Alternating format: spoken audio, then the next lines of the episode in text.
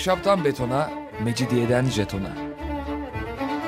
Alameti kerametinden menkul kent hikayeleri.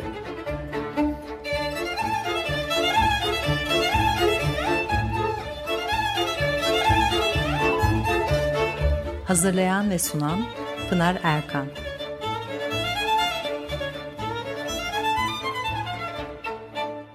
Efendim merhabalar. Bir haftalık aradan sonra yine birlikteyiz. 94.9 frekanslı açık radyoda ahşaptan betona, mecidiyeden jetona tam şu anda başlamış bulunmakta. Anlatıcınız ben Pınar Erkan. Elektronik posta adresim pinarerkan.yahoo.co.uk Bakalım bugün programımızda neler var. Fenerli Beyler İstanbul'un 2. Mehmet e, tarafından alınmasından başlayıp 1821'e kadar İstanbul yaşamında yer aldı. Yani 1821'den sonra da yer aldı ama etkileri farklı. Sadece Fener e, semtinde yaşamış Rum kökenli soylu bir e, zümre olarak değerlendirilirler. Aslında kökenleri epey farklı olabiliyordu. Rum oldukları kadar Roman, Arnavut veya İtalyan da olabilirlerdi. Üstelik hepsi soylu da değildi. Eflak ve Boğdan'a yerleşmiş. Roman soylular aracılığıyla soyluluk kazanmış köylüler, Egeli tüccarlar ve hatta kürekçi çocukları varmış aralarında. Öyle veya böyle zaman içinde Fener'de seçkin ve varlıklı bir sınıf oluşturuyorlar. Yabancı dilleri konuşuyor olmak büyük avantajdı elbette. Osmanlı Devleti'nin dış siyasetinde son derece etkiydi, etkiliydiler. Çünkü dragomanlık görevi görüyorlar, tercümanlık yapıyorlar ve o tabi sadece bir konuşulanı başka bir dile çevirerek aktarmaktan öteye de görevleri var. Bir diplomatik görev üstlenmiş oluyorlar filan. Önemliler. Daha önceki bir programda Kantemir'den konuşmuştuk. Bugün biraz başka tarafından bakalım bu konulara.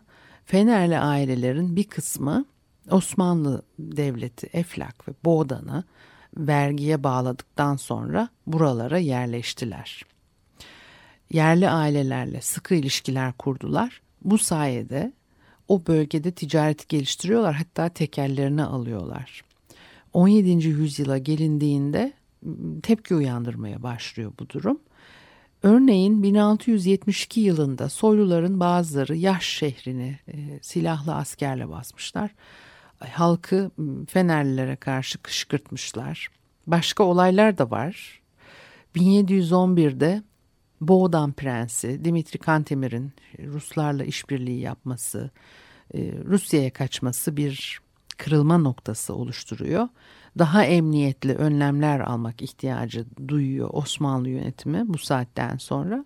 O zamana kadar Eflak, Boğdan prenslikleri, yerli prensler yani e, voyvodalar tarafından yönetilmişlerdi. Yerli prensler ve soylular yani boyarlar da buna karşılık sürekli bir kopma çabası içindeler. Osmanlı İmparatorluğu'nun kontrolünü istemiyorlar, fırsat kolluyorlar. Bunun için e, Avusturya Rusya'ya yanaşmışlardır. Bütün o risklerden dolayı Voyvodaların oğulları İstanbul'da Fener'de rehin tutuluyordu. Fener Beylerini anlatırken bey, e, tabii Fener semtinden biraz bahsetmiştik. O zaman Kantemir'den ve nasıl İstanbul'da rehin tutulduğuna, rehin tutuluyor derken bir odayı kapatmışlar çıkarmıyor değil. Yani İstanbul'da hayatını sürdürüyor ama bir kontrol altında. E, kroniklerde ilginç bilgiler var. E, bunu daha önce de. Ve Voyvodalar tabii ki de e, sultanın her buyruğunu yerine getirmekle yükümlüydüler.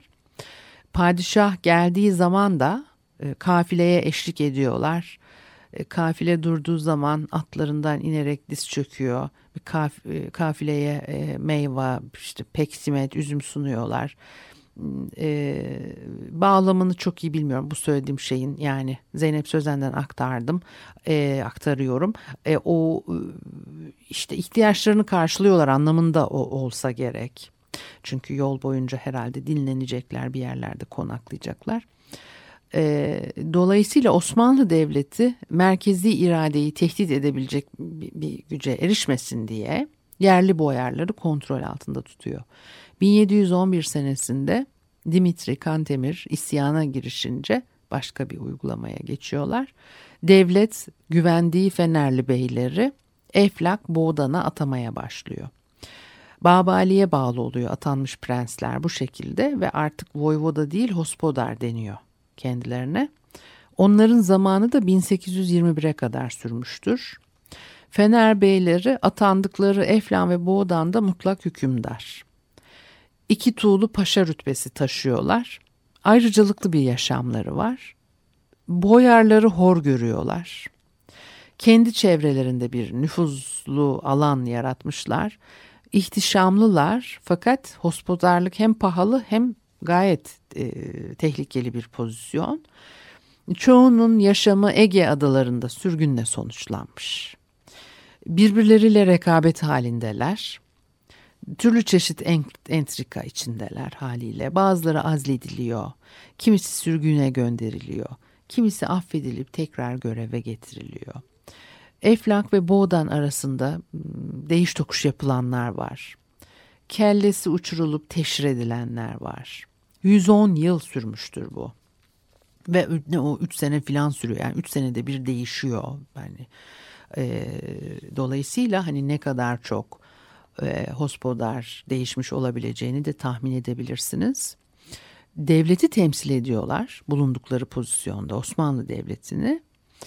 İhale gibi bir şeyle görev alıyorlar. En yüksek fiyatı teklif eden e, gidiyor oraya. Prensler yaptıkları harcamayı karşılamak için devlet memuriyetlerini satıyorlarmış bu sefer. E, boyarlardan oluşan bir divanı var prensin. E, o yüksek memuriyetleri de çoğu defa e, Fenerli yakınlarına dağıtıyor. Hospodarlar ilki olarak işte 3 yıllığını atanıyorlar. Bölgede gereğinden fazla nüfus kazanmasın diye yapılan bir şey bu. Taht kavgaları, rüşvet, tuzaklar bu süreyi kısaltabiliyor zaman zaman. Hospodar bu 3 yılı kazasız belasız tamamlayabilirse yerli halktan bir vergi alıyor. E, Kaftan Baba deniyormuş bu vergiye. Şimdi kaftanların hikayesini anlatacağım biraz sonra. Büyükbaş hayvan başına bir kuruşluk vergi. Yani ama bu kaftan babanın hikayesi değil de bir kaftan meselesi var. Peki Babali'nin beklentisi nedir hospodarlardan? Avrupa'da savaş çıkarsa prensler yaya veya e, tüfekten tüfenkendaz kuvvetleriyle e, savaşa katılmak zorundalar. Elbette Eflak ve Boğdan'a bir saldırı olursa Osmanlı Devleti de onları koruyordu, savunuyordu. Prensler her yıl e, Kırım Hanı'na da bal, hediye, para yolluyorlar. Kırım Hanı da gerekirse savaş durumunda yardıma koşmakla yükümlü. Hospodarların emrine Ortodoks mezhebine üye Arnavut muhafız kuvvetleri, Yeniçeriler gibi yaya askerler verilmiş. Komutanlarına Drabaş ağası deniyor. E, çekirdekten yetişme sert askerler bunlar. Drabaş ağası ayrıca pazar yerlerini de denetliyor. E, erzakı ölçüleri teftiş ediyor. Zabıta görev görüyor yani. Hospodarların İstanbul'daki temsilcisi Kapıketu Dağları. Eflak ve Boğdan vergi olarak çeşitli şeyler gönderebiliyor. Bunların içinde e, çok değişik ürünler var. E, bir kere düka altınları, at, doğan gibi e, özellikle hayvanlar var. Doğancı başı doğanları saraya getirirmiş. Sonradan doğanlara bu şahinler de eklenmiş. Ve imparatorluğun ambarı gibi bir şey bu iki prenslik. Kadırgaların yağlanması için her yıl tersaneye bin fıçı don yağı gönderiyorlar. Bin adet sığır gönü. Saray mutfağı için 900 okka sarı bal mumu. 15 bin okka bal. 4 bin kile evlak, e, eflak tuzu. Buğday, darı gönderiyorlar. Hatta tersanede çalıştırılan esirlerin giydiği gömleklerin dikildiği e, kara kendir bezini de onlar sağlıyor. Arpa ot geliyor saray hayvanlarına. Senede 20 bin koyun, büyükbaş hayvan, e, av köpekleri de gönderebiliyorlar. Hospodarların divanı var demiştim. E, yüksek dereceli boyarlardan meydana gelmiş bir divan bu. Divan başkanı arşevek veya e, metropolit oluyor. Büyük yargıç Bornik ayrıca sarayın korunması iç işleriyle de görevli. E, Voyvodalık kalemini yürüten baş logofet ve Hospodar'ın mührünü muhafaza ediyor. Hospodar'ın kılıcını evlakta spatlar baş e, general rütbesinde. Her gün toplanırmış bu divan, dava dinlermiş. Haftada iki günde büyük toplantı yapıyorlar. Ee, ve Hospodar'ın mutlak yetkisi mali işler dışında her şeyi kapsıyor. Osmanlı İmparatorluğu'nun Rusya, Avusturya ile Kuzeybatı e, sınırını çevreliyordu Eflak Boğ'dan. Dolayısıyla ilişkiler çok incelikli ve o ilişkiler içinde Fenerli Beyler tabii ki de son derece önemli bir rol oynadılar. Ama kimseye de pek yaranamamış gibi görünüyorlar. 1821'de Yunanistan'ın bağımsızlığını kazanmasından sonra Fener Beylerinin e, hospodarlık günleri sona erdi. Tekrar eski düzene dönüldü. Yerli ailelerden voyvoda atandı. Zaten 1826 senesinde Rusya ile bir anlaşma yapılıyor. Akgerman anlaşmasına göre Osmanlı artık voyvoda atacağı zaman Rusya'nın fikrini soracak. O günler geride kalmış yani. 1859 yılında Eflak Boğdan e, Prens Alexander Kuzon'un e, yönetiminde birleşiyor. 1861 senesinde de Romanya adıyla zaten resmen e, tanınıyor. Fener beylerinin Fener semtinde oturduğunu, e, buradaki köşklerini, konaklarını konuşmuştuk. 17. yüzyılda epey görkemliymişler. iyi inşa edilmiş güzel taş yapılar. Fakat o 110 yıllık saltanatın tabi izleri 19. yüzyıldan sonra pek bir şey kalmıyor geriye. Zaten Fener semti o dönemde çok iç açıcı bir manzara olarak da betimlenmez. Bölgeyi ziyaret eden Eno şöyle söylüyor. Bizans'ın imparatorluk kanı Fenerlerin kanında dolaşmaktadır. Evleri İstanbul'un en güzelleridir ve bazen yeterince önemli bir mimari üslubu da vardır. Duvara yarı gömülmüş ayaklarca ya da kesiti merdiven gibi olan taş konsollarca taşınan kapalı heykelsi balkonlar, Rodos'taki Şevalye Sokağı'ndan çıkmış gibidir. Diğerleri dar cepheleri, kalın duvarları, kafesli yüksek pencereleriyle orta çağın saldırıdan korkmayan zırha benzer savaşçı evlerini andırmaktadır. Bazen bu cumbalardan sokağa narin bir bedenin eğildiği, ince uzun beyaz bir elin gri taştan korkuluğun üstüne yavaşça dokunduğu görülür. Sessiz sitemlerle ve melankoliyle dolu siyah derin bir göz göğe yönelir. Dalgalı saçları örten başörtüsü ince şakaklardan kayar. Profilin saf, zarif ve düz çizgisi ideal bir soyun antik şaheserliğini anlatmaktadır. Bir müzik arası verelim, ondan sonra devam edelim.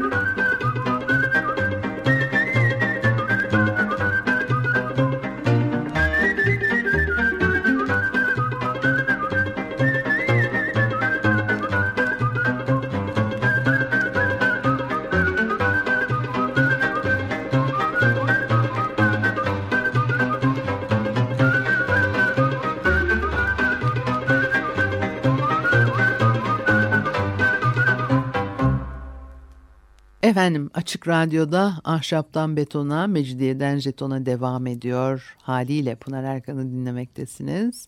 Eflak, Boğdan, Voyvodalarından, Hospodarlarından haliyle e, Fener Beylerinden konuştuk. Şimdi bu Eflak, Boğdan Voyvodalarının atama törenleri sadrazam paşalara yapılanlar kadar görkemli olurmuş. Hilat, kuka ve süpürge giyme olarak aktarılıyor bu tören. Hilat bir tür kaftan e, kaftan giydirme farklı törenlerde karşımıza çıktı hep. E, yabancı elçi ziyaretlerinde de vardı kaftan veya hilat giydirme hatırlarsanız. Bir memuriyet verilirken kaftan giydirmek, at bağışlamak eski bir Türk geleneği. Voyvoda'ya sadrazam tarafından samur kaftan giydiriliyor. Sarayda e, makam ve rütbeye göre kürk giydiriliyor. Sultan 3. Ahmet Dimitri Kantemir'e üç tuğlu vezir ve e, paşalara verilen en üst dereceden bir hilat armağan etmiş. Kenarları altın ve gümüş simlerle işleniyor. Uzun Çarşılı diyor ki 1710 senesinde Kırım Hanı'nın müdahalesiyle azl olunan Boğdan Voyvodası İskerletoğlu Nikola'nın yerine Küçük Kantemiroğlu Boğdan Voyvodası tayin edildiği zaman bayram günü divan olmak kanun değil iken zaruri divan toplanarak yeni voyvoda vezirden sonra huzura girmiş ve mutat üzere kendisine süpürgeli kuka, serpuş ve kadife ile kaplı samur kapaniçe kürk giydirilmişti. Arkasından voyvoda e, din adamları ve Fener'de yaşayan soylularla birlikte patrikhaneye gidiyor. Dört köşeli bir taş kullanıyorlarmış tören için Voyvoda'yı bunun üzerine çıkarıyorlar. Bu esnada çavuşlar hep bir ağızdan Ulu Tanrı Padişah Efendimiz'e ve Efendi Bey'imize uzun ömürler ve saadetler bağışla diye bağırıyorlar. Hem Voyvoda patrikhaneden içeri girerken de koro e, ilahiler e, söylüyor. E, tören böyle sonlanıyor. Voyvoda kendisi için hazırlanmış özel bir tahta oturuyor Patrick tarafından takdis ediliyor ve alnına e, kutsal yağ sürülüyor. E, tanık olanlar anlatmışlar. E, Antoine Galan e, bizzat gözleriyle görmüş. Eflak prenslerinden Gregorascu e, tören esnasında kendisi için sureti mahsusada halı ile örtülmüş bulunan bir, bir kürsü arkasında duruyordu diyor üzerinde e, leh usulü işlemeli düğmeleri olan kenarları samur kaplı kırmızı bir hırka varmış. E, Patrikhane'deki törenden sonra Voyvoda işte o kendisine bağışlanmış olan atla evine dönüyor. Bu yolculuk sırasında kendisine eşlik edenlere armağanlar veriyor. Arkasından birkaç gün içinde e, muzikayı Hümayun eşliğinde eve sancak getiriliyor saraydan. Sancağı öpüyor Voyvoda ve padişaha uzun ömürler diliyor. Ee, ve o sancağı getiren Miralem Ağa'ya yine bir kaftan giydiriyor. Hediyeler de veriyor fakat sürekli bir kaftan giydirme e, söz konusu. E, üç gün sonra e, divana davet ediliyor e, Voyvoda. Arz odası kapısında kapıcılar ketüdası tarafından bir kez daha kaftan giydiriliyor. Bu kadar kaftanı sonra ne yapıyorlardı sorusunu benim cahilliğime verin lütfen. Eflak ve Boğdan beylerine bu tören sırasında e, sekban başlarından başka kimseye verilmeyen bir külah takılıyor. İşte buna diyorlar kuka. E, kuka veya üsküf e, deniyormuş. E, tüylükleri var üstünde. Tüylüklerde tuna teli, balıkçıl teli, deve kuşu tüyü veya e, süpürge sorguç var. Çok afili şeyler gerçekten yani hani hiç bugüne kalmamış bunlar. Halbuki biz de onları bir parça şöyle kılığımızın kıyafetimizin parçası yapsaydık onları böyle bir modernize etseydik. Ama şimdi şu başı hani e, e halbuki şimdi tam diyecektim o başa şapka takmak da mesele. Yani e, o kadar şık o kadar güzel şeyler var ki hani e, keşke bunları e, biliyorum neden olmadığını da biliyorum. Ama hani e, belki daha modern tasarımlarda kullanılabilirdi. E, hoş şeyler ortaya çıkarabilirdi. Şimdi e, yani o, o çok güzel. Ve yine ne yapıyorlar dersiniz? Törende 28 kişiden oluşan boyarlar da hazır bulunuyor. Her birine bir kaftan giydiriliyor. Sonra da Voyvoda padişahın huzuruna çıkıyor. Şimdi burası çok acayip. Voyvoda huzura çıkarken iki kapıcı başı koltukluyor. Gözümün önünde canlanan manzara çok acayip. Kapıcı başlarının e, Voyvoda'yı koltuklayarak huzura çıkarmasının da sebebi var.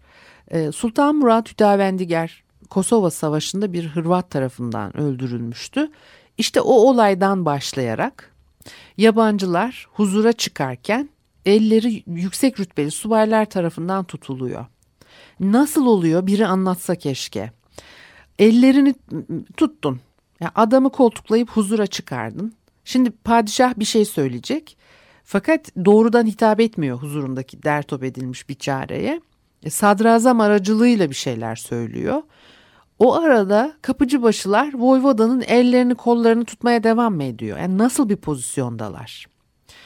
E, e, Voyvoda yalnız değil, yanında dört soylu, arkasında Fener semtinden Rum bir saray tercümanı var. Rum saray tercümanı neyse o soyluları da tutuyorlar mıydı acaba? Şöyle anlatılıyor. E, kapıcılar ketüdası önden gidiyor. Voyvoda arz odasının girişine vardığı zaman üç kez secde ediyor. Padişah tahtında otururken işte sadrazama dönüyor. Şunları şunları şunları söyle diyor. Ne söyleneceği de belli. Ee, bağlılığınızı ve içtenliğinizi duyan padişah hazretleri ödül olarak size Boğdan Beyliğini e, tevcih etti. E, göreviniz bundan sonra sadakatle hizmette bulunmak, yönetimde bulunduğunuz ülkeyi korumak ve padişahın emirleri dışına çıkmamaktır e, diyor. Ondan sonra da e, Boğdan Voyvodası ne diyor? Haşmetleri bendenizin hiçliğinden acımanızı esirgemediğiniz iyiliksever padişahıma bütün gücümle hizmet edeceğime falan filan. Ondan sonra işte oğlu çocuğu bir şeyi hop geliyor İstanbul'da yaşamaya başlıyor. O öbür oradan gidiyor hop ikide bir öbürleriyle işbirliği kurup işte Osmanlı'dan kurtulmaya çalışıyor falan. Ne zor hayatlar ne zor hayatlar yani. E, neyse bunları söylüyor sonra atına binip evine dönüyor beyliğindeki evine dönecek ondan sonra da ya onu oraya da törenle gidiyor. Silahta ra, çuhada ra, kapıcılar kahyası falan hep yanında yol boyunca ta e, Eflak ve Boğdan'a kadar. Ayrıca altın gümüş giysiler içinde iki saray muhafızı da var. Daha başka kimseler de var. Kimi isterse yani o öyle karışık bir kortej bir, e, işte bir, bir ekip bir kalabalık olarak gidiyorlar mahiyetinde bir sürü insan var. Şimdi Beyliğe kadar yol uzun tabii. Adam yolda durup dinlenecek, ihtiyaç giderecek. E, Voyvoda her at bindiğinde, indiğinde kapıcı ve çavuşlar kendisini alkışa tutuyor. Kentlere girip çıkarken çavuşlar yaya olarak önden e, giriyorlar. Eflak ve Boğdan'a varıldığında 2000 kişi karşılıyor. Voyvoda hepsine tek tek elini öptürüyor. Burada da bir alay tören var ve bilin bakalım ne yapıyorlar. Kaftan giydiriyorlar tabii ki de. Peki bu haftalık da bu kadar olsun. Haftaya görüşene kadar hoşçakalınız.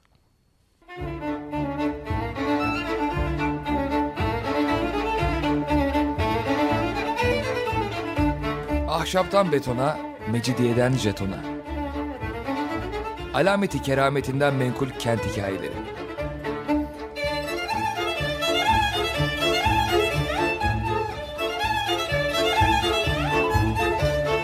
Hazırlayan ve sunan Pınar Erkan.